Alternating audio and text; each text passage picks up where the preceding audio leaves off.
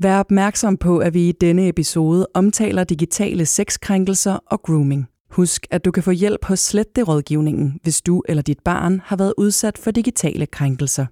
Du lytter til en podcast fra Børns Vilkår. Podcasten er produceret i samarbejde med Heartbeats og støttet af Trykfonden.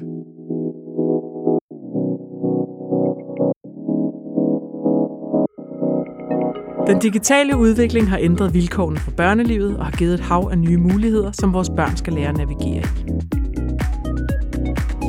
Mit navn er Ditte Giese, og i denne podcast vil jeg sammen med Børns Vilkår undersøge, hvordan vi som forældre og nære voksne bedst kan hjælpe og støtte vores børn i den digitale verden og ruste dem til et godt skærmliv.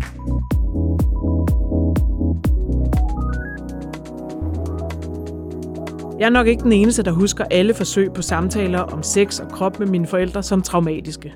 Eller mindes, hvor forfærdeligt det var at sidde og se en film med de gamle fredag aften, hvor der pludselig var nogen, der knaldede. Nu er det så mig selv, der har en teenager og skal lære at tale kærester, krop, onani og porno med ham. Det bliver jeg kædet for os begge to. For det er via skærmen, at mange unge i dag møder flørt, porno og måske endda får en kæreste. Det handler dagens episode af Skærmbarn om. Mine gæster i dag er rådgivningsleder ved Sex og Samfund, Jeppe Hall. Man går ind på grøntsværen og tror, man skal være Messi fra første dag, men man starter til lilleput fodbold.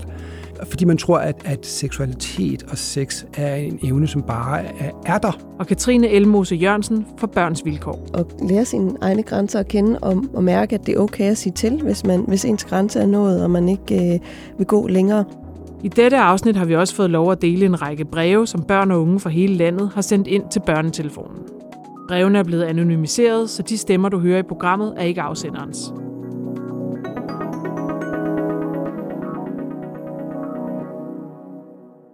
Goddag og velkommen til allersidste afsnit af Skærmbarn. Det er jo helt sørgeligt. Ja. Mm, otte episoder, eller det her er den 8. Og i dag skal det handle om kærlighed, det skal handle om digital flørt, det skal handle om deling af intime billeder, pornoforbrug, alle de her sådan lidt intime ting med børn og unge. Og gæsterne i dag er som altid dig, Katrine Elmos Jørgensen, digital ekspert ved Børns Vilkår.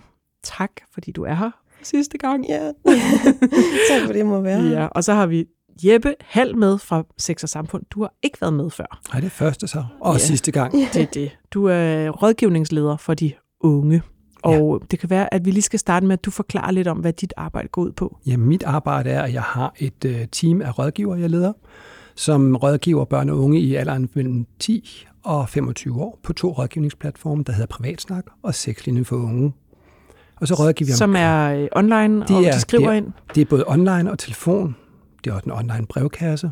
Og hvad er, sådan et, hvad er typisk det, man sådan øh, ringer eller skriver ind med? Der er rigtig meget, der handler om normalitet. Ja. Altså, er det normalt at have knopper her? Er det normalt, at, øh, at jeg ikke kan komme, når jeg har sex med min kæreste? Eller er det normalt, at, at, at jeg øh, bedre kan lide mænd end kvinder? Eller sådan et eller andet, ikke? Ja, og det er jo, fordi vi beskæftiger os med en målgruppe, hvor alt er i rivende udvikling. Indeni og udenpå, og man vil så gerne være normal. Også lidt speciel, men helst helt normal. Helt specielt normal. og det vil jo sige, at de to gæster, vi har med i dag, I har hos Børns Vilkår, I har jo også øh, børnetelefonen, så I har jo også masser af henvendelser. Ja, Øh, og sikkert også om de her emner, ikke? jo. Altså den, den øh, henvendelsesårsag, som fylder næstmest, øh, det er øh, henvendelser vedrørende kærlighed og forelskelse. Ja. Så det er noget, der fylder rigtig meget. Hej børnetelefonen. Jeg har skrevet med den her dreng i lang tid nu. Han er rigtig sød, og vi er virkelig tætte. Problemet er, at han bor rigtig langt væk, og da vi stadig begge er så unge, må ingen af os tage til den anden. Det piner os begge, at afstanden skal holde os fra hinanden. Falder tit i søvn med ham på FaceTime, da det er det tætteste, vi kan komme på hinanden. Har I en idé om, hvad jeg kan gøre? Det er ikke kun et lille crush, det her. Ved, det lyder underligt, nu hvor vi aldrig har mødtes, men jeg elsker ham. Og han elsker mig. Det er bare afstanden. Tak på forhånd. I 2022 handlede 7.742 samtaler hos børnetelefonen og rådgivningstilbuddet for unge mellem 15 og 24 år hørt om kærlighed og forelskelse. 3.011 samtaler handlede om seksuelle problematikker.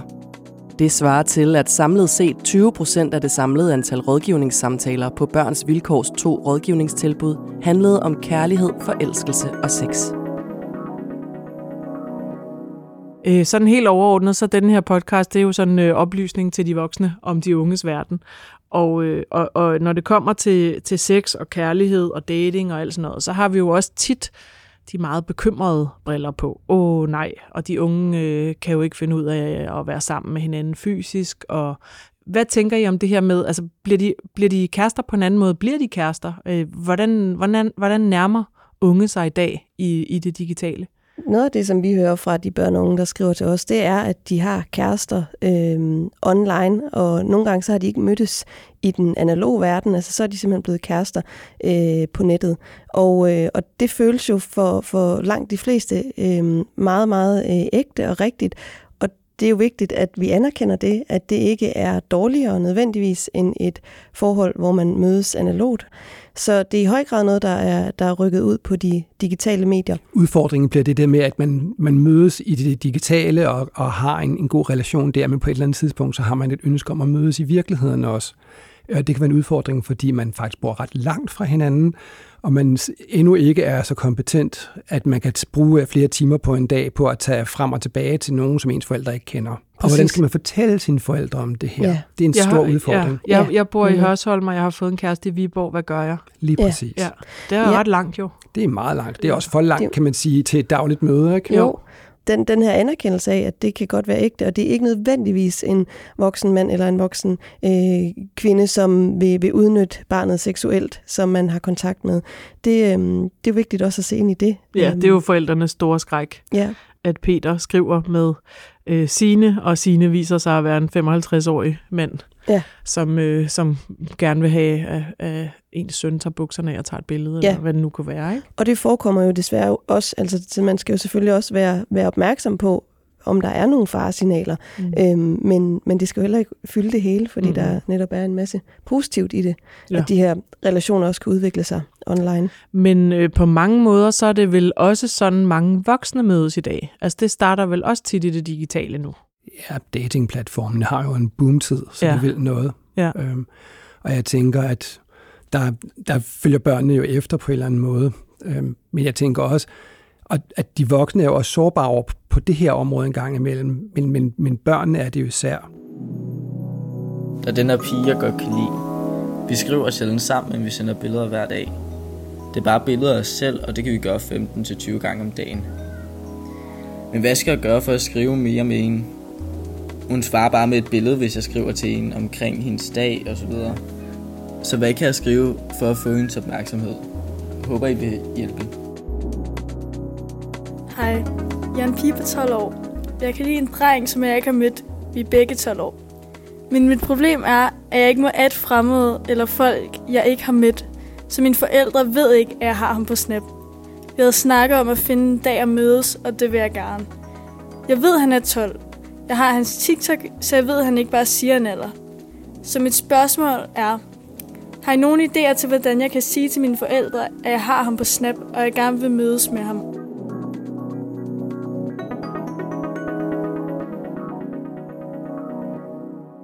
Altså er I bekymret for, at, at det er mindre fysisk og mere digitalt, den måde, at unge og børn møder hinanden i, i, i, altså i det kærlige og, og i det måske seksuelle også?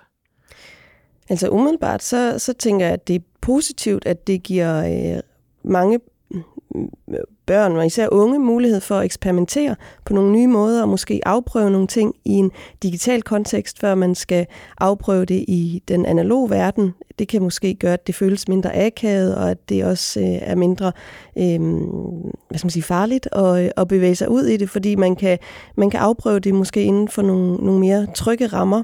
Man kan være lidt mere modig måske. Og man kan måske være lidt mere modig, ja. Man kan sige, at i det digitale, der er der også mulighed for at gå videre. Altså hvis man bliver afvist, er der mulighed for at gå videre og møde nogle andre, som på et eller andet tidspunkt bliver man måske ikke afvist.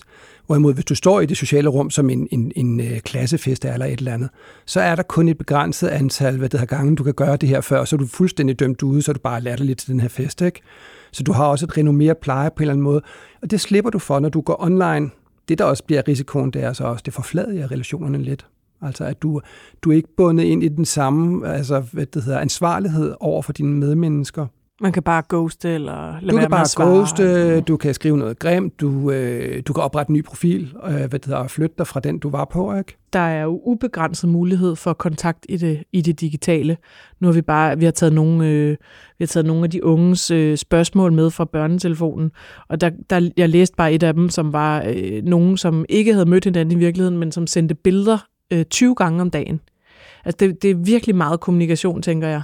Og hvis den, hvis den så lige pludselig flatliner sådan en relation, det har jo været en, en stor del af det, det unge menneskes øh, hverdag.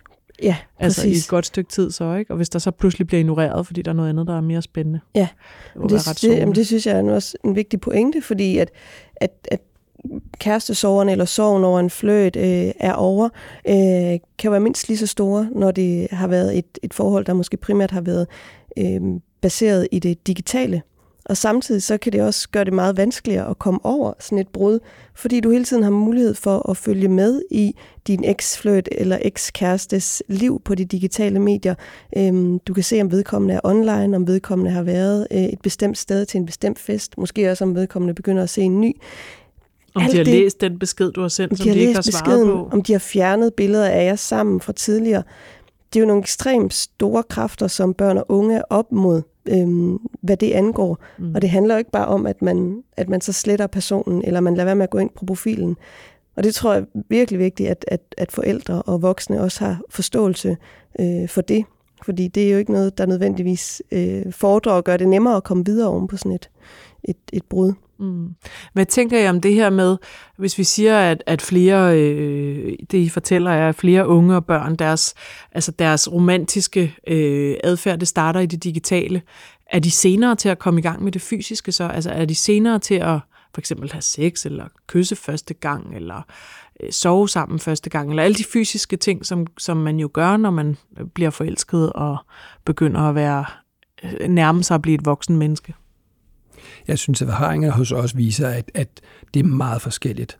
Men hvis man kigger på det i form af undersøgelse, så VIVE har lavet en undersøgelse, der viser, at der er flere 18-årige, som ikke er debuteret seksuelt sammen med en partner endnu. Det kan handle om, at, de, hvad det hedder, at, at man mødes online, og derfor er- har man ikke så tæt adgang til at røre noget hud. Ikke? Øh, det at man har lange distancer. Øh, men det kan også være, at man for eksempel får en øget præstationspres. Altså man har set så meget allerede i forvejen, øh, så man, men altså jeg plejer altid at bruge et fodboldbillede, der handler om, at øh, man går ind på grøntsværen og tror, man skal være Messi fra første dag, men man er startet til lilleput fodbold. Øh, og man ikke har det der, fordi man tror, at, at, at, at seksualitet og sex er en evne, som bare er, er der, når lige pludselig muligheden opstår. Øh, og man ikke har en idé om, at det faktisk også er nogle ting, der skal læres.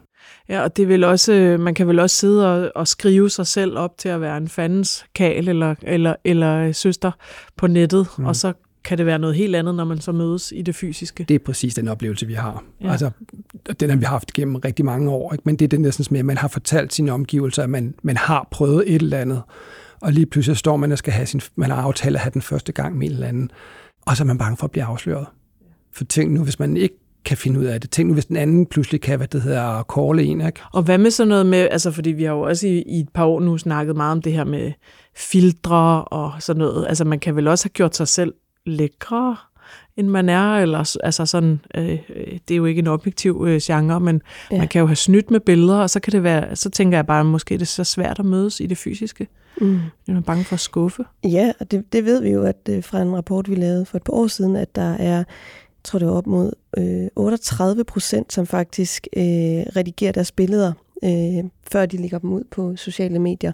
Og vi kan jo også se, at der, der er en, en stor andel, særligt af pigerne, som er utilfredse med deres kroppe. Så et, et, et klassisk spørgsmål kunne være, at jeg, jeg, har, jeg, har lavet, jeg har sendt rigtig mange billeder af mig selv til min kæreste, og de er redigeret, og jeg synes, jeg er flottere på de billeder, end jeg, end jeg er øh, i det fysiske. Jeg har aftalt, at jeg skal være sammen med, med, med min kæreste, og, og nu synes jeg, at mine bryster er for små, for eksempel, eller hvad det hedder, at jeg har ikke barberet mig fra neden, eller jeg har ikke, min, mine kønslæber ser grimme ud, eller et eller andet. Ja. Øhm, så, så hvad vil han ikke tænke? Så nu, nu ved jeg slet ikke, jeg har lyst til at aflyse det eller sådan noget. Ikke? Og det er jo på mange måder en usikkerhed, unge mennesker altid har haft, men vi lever bare i en tid, der er meget visuel. Ikke? Mm.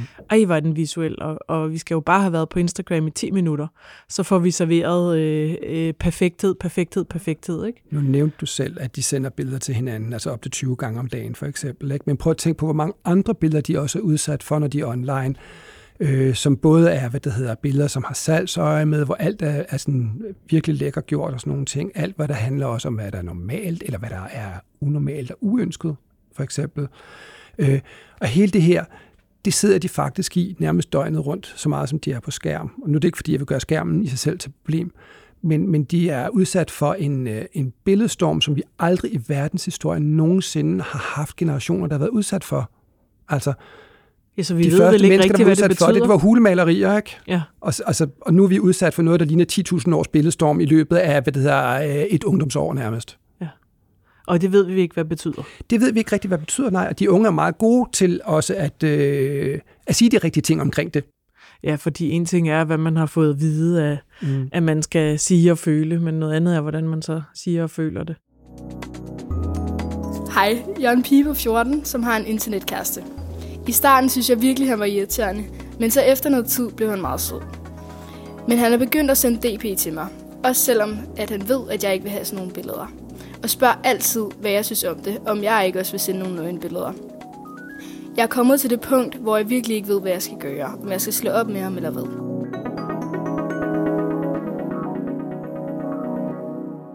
Det her pres for at sende de her billeder, den tror jeg, der er enormt mange, måske især piger, der oplever. Hvad gør vi ved den? Det, altså, det er en del af en god seksualundervisning, som at sige, at når man modtager noget, man ikke har lyst til at se, så er det faktisk okay at sige, at man ikke vil se det. Og hvis man er bange for, at det sårer den anden, altså at der er rigtig mange af de øh, kæresterelationer, som vi generelt har i, i, i, råd, i rådgivningen, som også handler om den der sådan, hvad nu hvis han øh, slår op med mig, eller hun slår op med mig, fordi jeg ikke har lyst til sådan og sådan. At vi er nødt til at altså, uddanne vores unge til at være i nogle, nogle ordentlige relationer øh, hele vejen rundt. Og det gælder så også, hvad der foregår online. Så hvis det er, at du modtager et billede, du ikke har lyst til, så skal du altså i talesætte det øh, og, og, og sige fra. Ja. Ja, det handler jo om at, øh, at, at, at lære sine egne grænser at kende og, og mærke, at det er okay at sige til, hvis, man, hvis ens grænse er nået, og man ikke øh, vil gå længere. Og det tror jeg, du har ret i. Altså seksualundervisning, det er jo obligatorisk derude, men vi ved jo også, det måske ikke fungerer sådan helt optimalt på de fleste skoler. Så det kunne også være, at vi simpelthen skulle indføre et nyt øh, fag, der handler om krop og køn og, øh, og, og mangfoldighed, altså hvor de her ting kan blive flettet ind i det, som måske kunne gøre det nemmere og, og netop også at undervise i, i Men er det ikke også fordi, den at, del at den i- at sætte teknologiske grænser? udvikling, den går så hurtigt, så at, at undervisningsmaterialet kan jo nærmest ikke følge med? Vi har aldrig forstået, hvor vigtigt at, at øh, for trivsel, at, at øh, køn, krop og seksualitet var, når det kommer til stykket. Øh, og at det i den her tidsalder rent faktisk er blevet endnu mere vigtigt at, at få det bearbejdet. Ja, det har vi jo talt meget om med voksne mennesker, men måske skal vi også til at have den samtale lidt mere med vores børn og unge. Jeg kunne godt tænke mig lige at spørge jer lidt om det her med, øh, med de her billeder, ikke? Fordi det er jo det er noget af det, som, øh, som voksengenerationen og forældregenerationen, det har jo ikke været en stor del af vores sådan digitale øh, liv og, og indlæring. Hvorfor er det, at børn se, altså, og unge sender alle de her billeder? Øh, altså, der, det er jo meget en del af flørten, det er at sende frække eller flotte billeder af sig selv. Jo, men det er jo en måde for dem at vise tillid på og give noget af, af- sig selv og, og opbygge den her relation øhm, derigennem. Og det, det, det føles måske for nogen lidt mindre øh, farligt, fordi det, at man netop ikke ser hinanden øh, fysisk. Det er også øh, det er anerkendelse.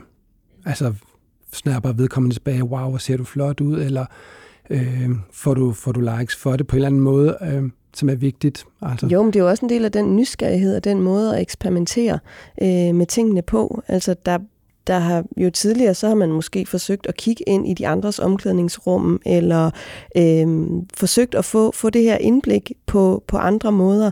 Men, øh, men nu har man jo så også altså til en vis grad jo fået noget mere selvbestemmelse i forhold til, hvad man egentlig vil vise, vise frem, så længe selvfølgelig, at det bliver delt med dem, hvor man selv har valgt, at det skal deles. Det store problem er jo så, at, at vi også ser så mange eksempler på og tilfælde af, at det bliver delt uden samtykke. Ja, og det har jo været en kæmpe debat i 10-15 år. Ja. Øh, det, der i starten blev kaldt hævnporno, men nu bliver kaldt mm. deling uden samtykke. Ja. Og det er jo nok også det, som alle forældre er bange for, sker for deres barn. Ja. Altså med, at, at vi ikke godt lade være med at sende de billeder, og det går jo galt, og så er I ikke kærester mere, og så ender det et andet sted, og alle de her mm. ting. Så altså, det kan være, at vi lige skulle prøve en runde med, hvad gør man egentlig som forældre, for at prøve at hjælpe ens tween eller teen med det?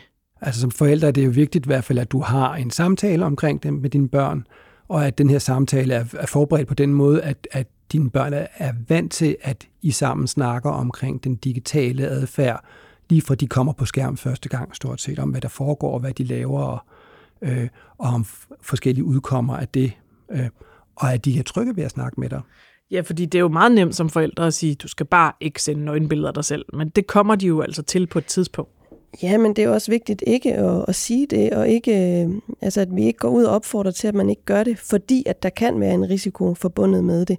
Øh, vi skal jo anerkende, at det er deres måde at opbygge relationer, seksuelle relationer med hinanden på, øh, og så selvfølgelig også tage en snak om, hvad det er, man skal være opmærksom på, og det er jo også lige så høj grad grad handler om, at man ikke selv skal være den, der deler billeder af andre.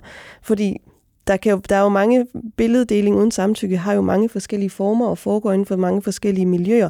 Og desværre nogle gange, så er det jo også fordi, at man er nysgerrig, eller man, man, man har fået et billede, som man lige har lyst til at vise til hinanden, uden at der er nogen som sådan intention om at udskamme eller udstille andre. Men ja. det er jo vigtigt, at man også bliver altså, det bevidst der, om... Åh, se hvad jeg har fået. Wow! Ja, ja. og så kan det give lidt ud, status måske, at man har overhovedet været i stand til at få det billede af en anden person. Jo, vi har jo hørt mange af de her historier. Den mest berømte af Emma Holten, ikke?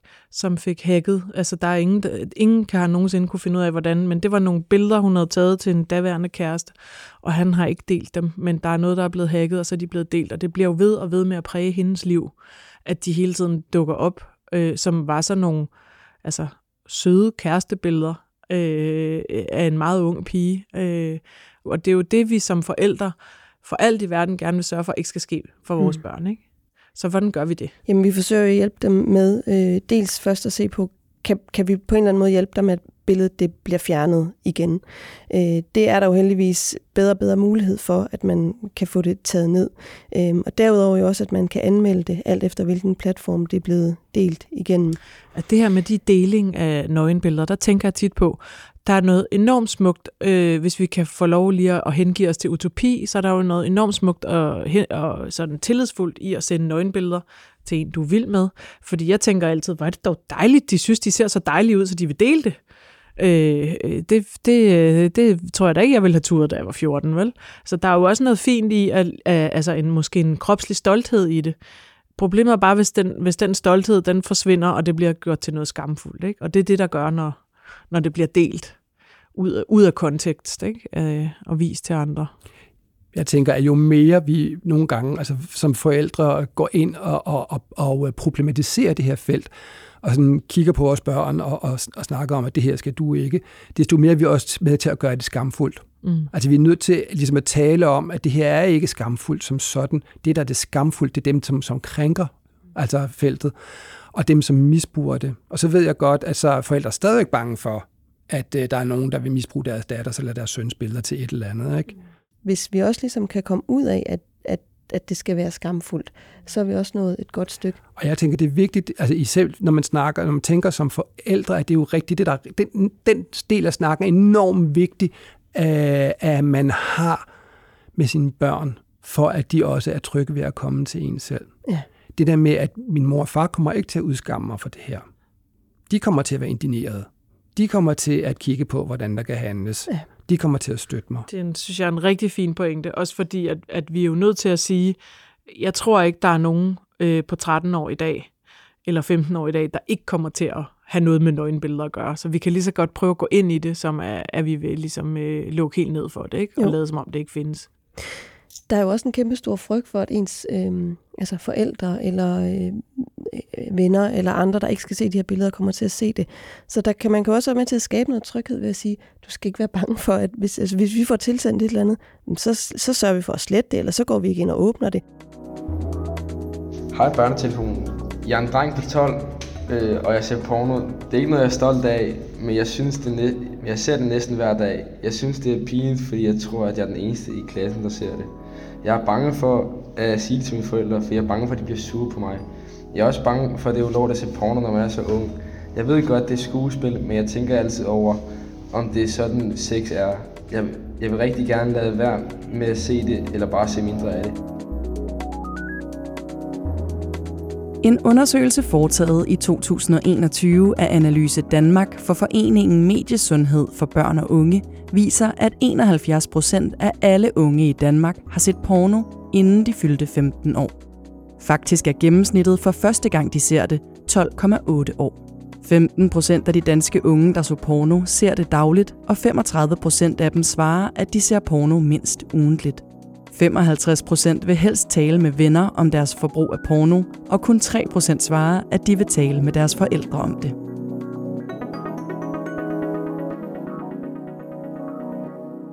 Noget andet, jeg godt kunne tænke jer at tale øh, mere om, det er jo porno.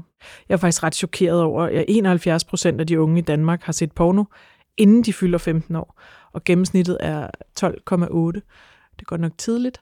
Der er meget, der har ændret sig også på det her øh, altså at, øh, område, at man får de sådan, første basale viden omkring kroppen og sex fra porno. Øh, Øh, og så sad jeg sådan lige der og læste, så sad jeg og tænkte, øh, nå, jamen, da jeg gik i folkeskolen, så var det sådan noget med, vi havde hørt om porno, og så øh, splicede vi, vi var 10 elever, der splicede til en pornofilm, vi bestilte sammen fra Tyskland og kom på VHS, som var en, en, øh, en, en, en smuk og kærlig historie om en øh, kvinde, der gik i bad og, og brugte en bruser. Det var enormt uskyldigt, og så sad vi 10 unge og kiggede på det og var forvirret ikke?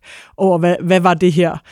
Øh, der er løbet meget vand i åen øh, siden det, hvor alt nu er på vores private telefon. Man kan ligge med under dynen, og man kan slå hvad som helst op. Øh, hvad tænker I? Altså, hvad, hvad, øh, hvad er det, der sker med det her område, når så mange ser det og bruger det og spejler sig i det? Porno er en er en, en, en, en kulturindustri, faktisk, som er gigantisk, øh, og som de unge møder meget tidligt, men som vi overhovedet ikke formår at håndtere øh, øh, som forældre eller som hvad det hedder, undervisere, for eksempel i skolen. Altså, det er rigtig svært at arbejde med det som, som en kulturgenre, ikke? Jo, og så er den gratis, og den er usynlig. Altså tænker jeg også, fordi det, det er et blad, skulle du så have gemt et eller andet sted, og et VHS-bånd skulle du have gemt et eller andet sted. Men det her, det er jo bare ind på en af de store øh, søgemaskiner, øh, og så kan du slette det bagefter, ikke? Så, øh, så du, det er noget, du kan have helt hemmeligt for dig selv. Men jeg tænker, at vi har behov for at have en meget åben samtale om, hvad porno er for et produkt. At der er forskellige former for porno, og hvad er det for nogle problemer, der er forbundet med porno. Og hvis vi ikke vi har den samtale, så har vi nogle unge, som hvad det hedder, ikke formår at øh, have en ordentlig kritik af, hvad det er, hvordan de ser, og hvordan det påvirker den, dem. Øh, hvordan skal man tage den samtale med sit barn? Fordi Altså, det, det, det er altså lidt svært at sidde ved middagsbordet øh, over for ens øh, øh, teenage-dreng og sige, du ved godt, det der, de laver i porno, det er meget urealistisk, og kvinder i virkeligheden har ikke bryster, der sidder helt oppe i hagen, eller hvad det nu kunne være. Altså. Ja, men det handler jo også om, at man skal have opbygget en, en god relation, hvor man kan tale om nogle intime ting, altså hvor man viser nysgerrighed og interesse i forhold til venner og kærester og flirts. Øh, og så kan det være noget, der bliver flettet ind, måske ikke når man sidder ved middagsbordet, men måske når man øh, kører sit barn til øh, håndbold, eller øh, når man er ude og gå en tur sammen, eller laver noget andet, hvor det ikke bliver så akavet måske. Men, men det handler jo også om måske at gribe fat i nogle, nogle anledninger, altså at sige, øh, jamen, jeg ved, at der er rigtig meget porno på nettet, eller jeg ved, at der er mange unge, der ser det. Hvis der er noget, som du kunne tænke dig at tale om, så vil jeg gerne tale med dig om det. Øhm, så, man, så man også får kridtet den åbenhed op. Er det dårligt, at, de, altså, altså, at det præger deres... Altså, det er jo deres første møde med seksualitet tit. Det er jo porno. Er det dårligt, at det ikke er, er Thomas fra klassen, men det er det er hot bimbo milf et eller andet, hvad der nu foregår Jeg på tænker, nettet. det er dårligt på den måde, at, at, at vi lader nogle, nogle normer, som er, hvad det hedder, øh, som er myndet på voksne, eller som er altså nogle, nogle fantasier, som er myndet på voksne, bliver styrende for, hvad de oplever, de skal øh, eventuelt. Jeg oplever, at, at de unge, når de stiller spørgsmål i vores rådgivning, så, ser, så, så, så bliver noget af den der pornografi ret øh, toneangivende, eller norm, normangivende faktisk. så at de ikke har det der sådan lidt mere naive møde med seksualiteten, som de måske ville have haft for, for en til to generationer siden. Ikke? Der er jo tit noget øh, porno, der er meget brutalt, øh, og som også er, er opdigtet, eller hvad hedder det, lavet ud for et særligt manuskript, kan man nærmest sige. Altså, manden er jo nærmest usynlig, og det hele handler om kvinden, og hun står til rådighed for manden, som kan være en problematisk måde at, at få et første indblik i, i, øh, i hvad der sker mellem øh, øh, drenge og piger. Jamen i høj grad, det handler jo også meget om, om, øh, om indholdet i, i den porno, der bliver produceret, og kvaliteten af det. Altså at det ofte er lavet af cis-mænd til cis-mænd. Altså det ikke særlig ofte er non-binære eller kvinders øh, lyst, som er omdrejningspunktet. Så er det jo klart, at det også kan komme til at præge øh, ens opfattelse af køn eller af, hvad seksualitet er skal og skal man så være. købe øh, kvalitetsporno til sit barn? Det kunne, kan- være en, det kunne være en løsning, vil jeg sige. Altså, det er det ikke. Altså, at du som forælder ligesom siger, køber ind, lægger og siger, der ligger noget her, det kan du kigge på, hvis det er noget, som du har behov for eller lyst til. Ikke? Men, men hvad det hedder, det her, det er noget, som jeg synes er okay. Der findes masser af andet, men det kan påvirke dig, sådan, som- og jeg synes, det her, det er fint. Hvis man øh, som, som forældre opdager mit barn på 12 for eksempel, øh, der var et eller andet på telefonen, jeg kunne se, de har set porno. Hvad gør man så? Hvad synes I, man skal... Hvor sætter man ind, og hvordan blander man sig ligesom i den samtale? Altså nu taler vi om det som noget, man, man opdager, og det kan jo også lidt være med til at skabe den der, at det gør det skamfuldt, ikke? Fordi at hvis det er noget, man bliver opdaget i, så er det måske også noget, man føler, at det er forkert at gøre det. Så igen tror jeg, at det, det er vigtigt, at det bliver til en mere generel samtale, at det måske så er det, der gør, at man tænker, okay, nu må jeg så åbne op for nogle af de her samtaler, der handler om nogle mere intime emner, men den her samtale om porno, det er først måske om 3-4 uger, når vi lige har, har fået opbygget sådan en tillid i forhold til at tale om nogle af de her temaer. Og så kan man så se, om man kan, kan på en eller anden måde komme omkring det, men uden at sige, jeg ved, at du ser porno. eller jeg Ja, måske hørt, mere bare gå ud fra, at det gør du nok. Ja, altså Eller også kommer så, du til det. så er det også med til at normalisere det. Jeg synes jo, det er rigtig vigtigt, at man som forældre ikke bare føler ansvaret af ens eget, men at man rent faktisk også kigger på, hvem andre, der kan være med til at i gang sætte den her tale, eller den her øh, samtale omkring, hvad, hvad pornoforien er for en, altså hvad det er for nogle effekter. Det er der igen, jeg siger det, seksualundervisning er mega vigtig på den her konto. At det er ligesom al anden undervisning i, i grundskolen, så, så er det bare vigtigt, at, man, man, at den her også kører, og man som forældre interesserer sig for, hvad er det for en undervisning, mit barn får? En undersøgelse foretaget i 2021 viser, at 74 procent af de unge, der ser porno, mener, at porno påvirker personers seksuelle adfærd. 47 procent af de adspurgte unge mener, at porno får dem til at ændre den måde, de har lyst til at være sammen med personer, de er tiltrukket af. 24 procent af de adspurgte unge er blevet bedt om at gøre ting, som de tror stammer fra porno. 29 procent af de piger, der ser porno, oplever i høj grad, at porno påvirker deres kropsbillede i en negativ retning.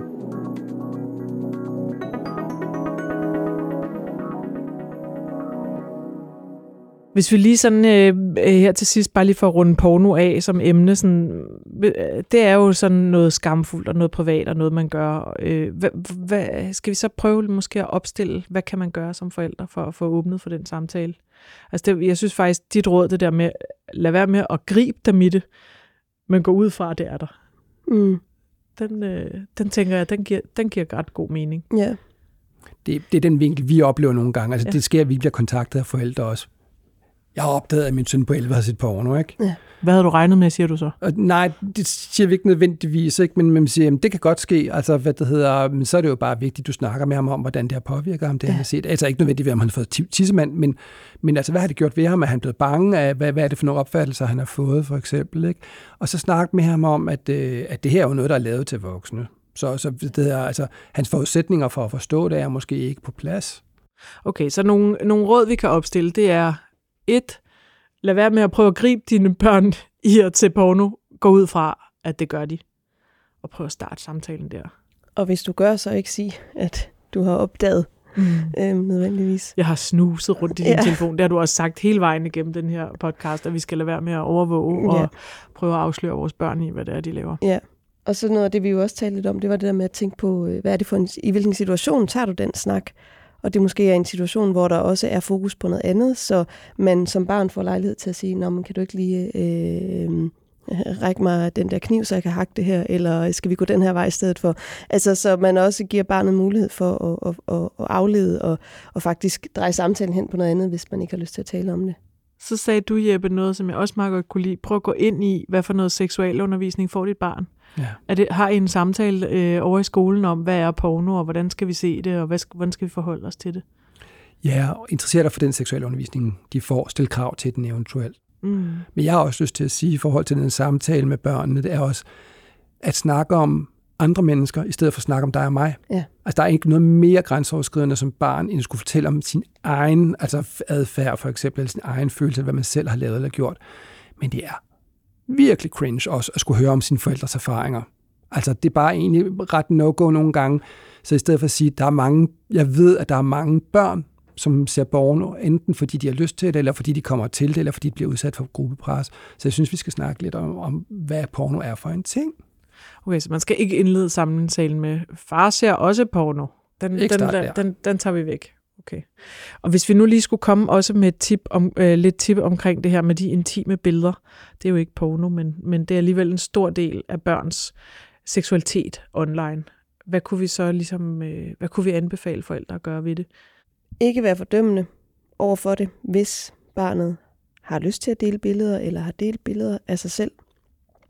Og øh, give udtryk for den her handlekompetence, som vi talte om, med at man står til rådighed for at hjælpe barnet, hvis det oplever, at de her billeder er blevet delt uden samtykke, og at det er, øh, at det er muligt at, at, at, gøre noget ved det.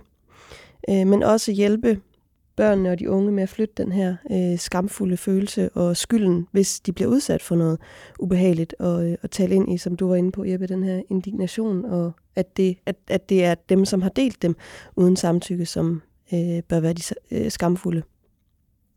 Vi skal jo også huske på, at det er jo, der er jo også øh, alligevel en andel af børn og unge, som, som deler dem videre uden samtykke. Så det er jo også vigtigt, at man, og, og som også, altså, hvor man både kan være den, der er udsat, og hvor man er den, der kan komme til at dele af, af andre, hvor man indtager begge roller. Så det er jo også vigtigt at have den der snak om, at, at, at man ikke skal dele videre af andre uden deres samtykke. Du må ja. aldrig dele andres billeder uden samtykke. Præcis. Og faktisk heller ikke dem med tøj på. Altså, lad være med at dele et billede og tagge mig, hvis du ikke har spurgt. Mm. Det, det er vel også sådan. Og, når, og så det Ja, her ja. med internetkærester og forelskelser og flørt i det digitale. Hvad tænker I, vi kan, vi kan gøre som forældre der, for at imødekomme en verden, som for mange forældre vil være fremmed, at man kan have en internetkæreste? Understøtte, at menneskelige relationer opstår der, hvor at øh, dine børn færdes. Og en af de ting, der kan være vigtigt, det er det der med at, at øh, lære børnene at være kritiske over for den relation, de er i egentlig. Altså, hvor godt kender du vedkommende?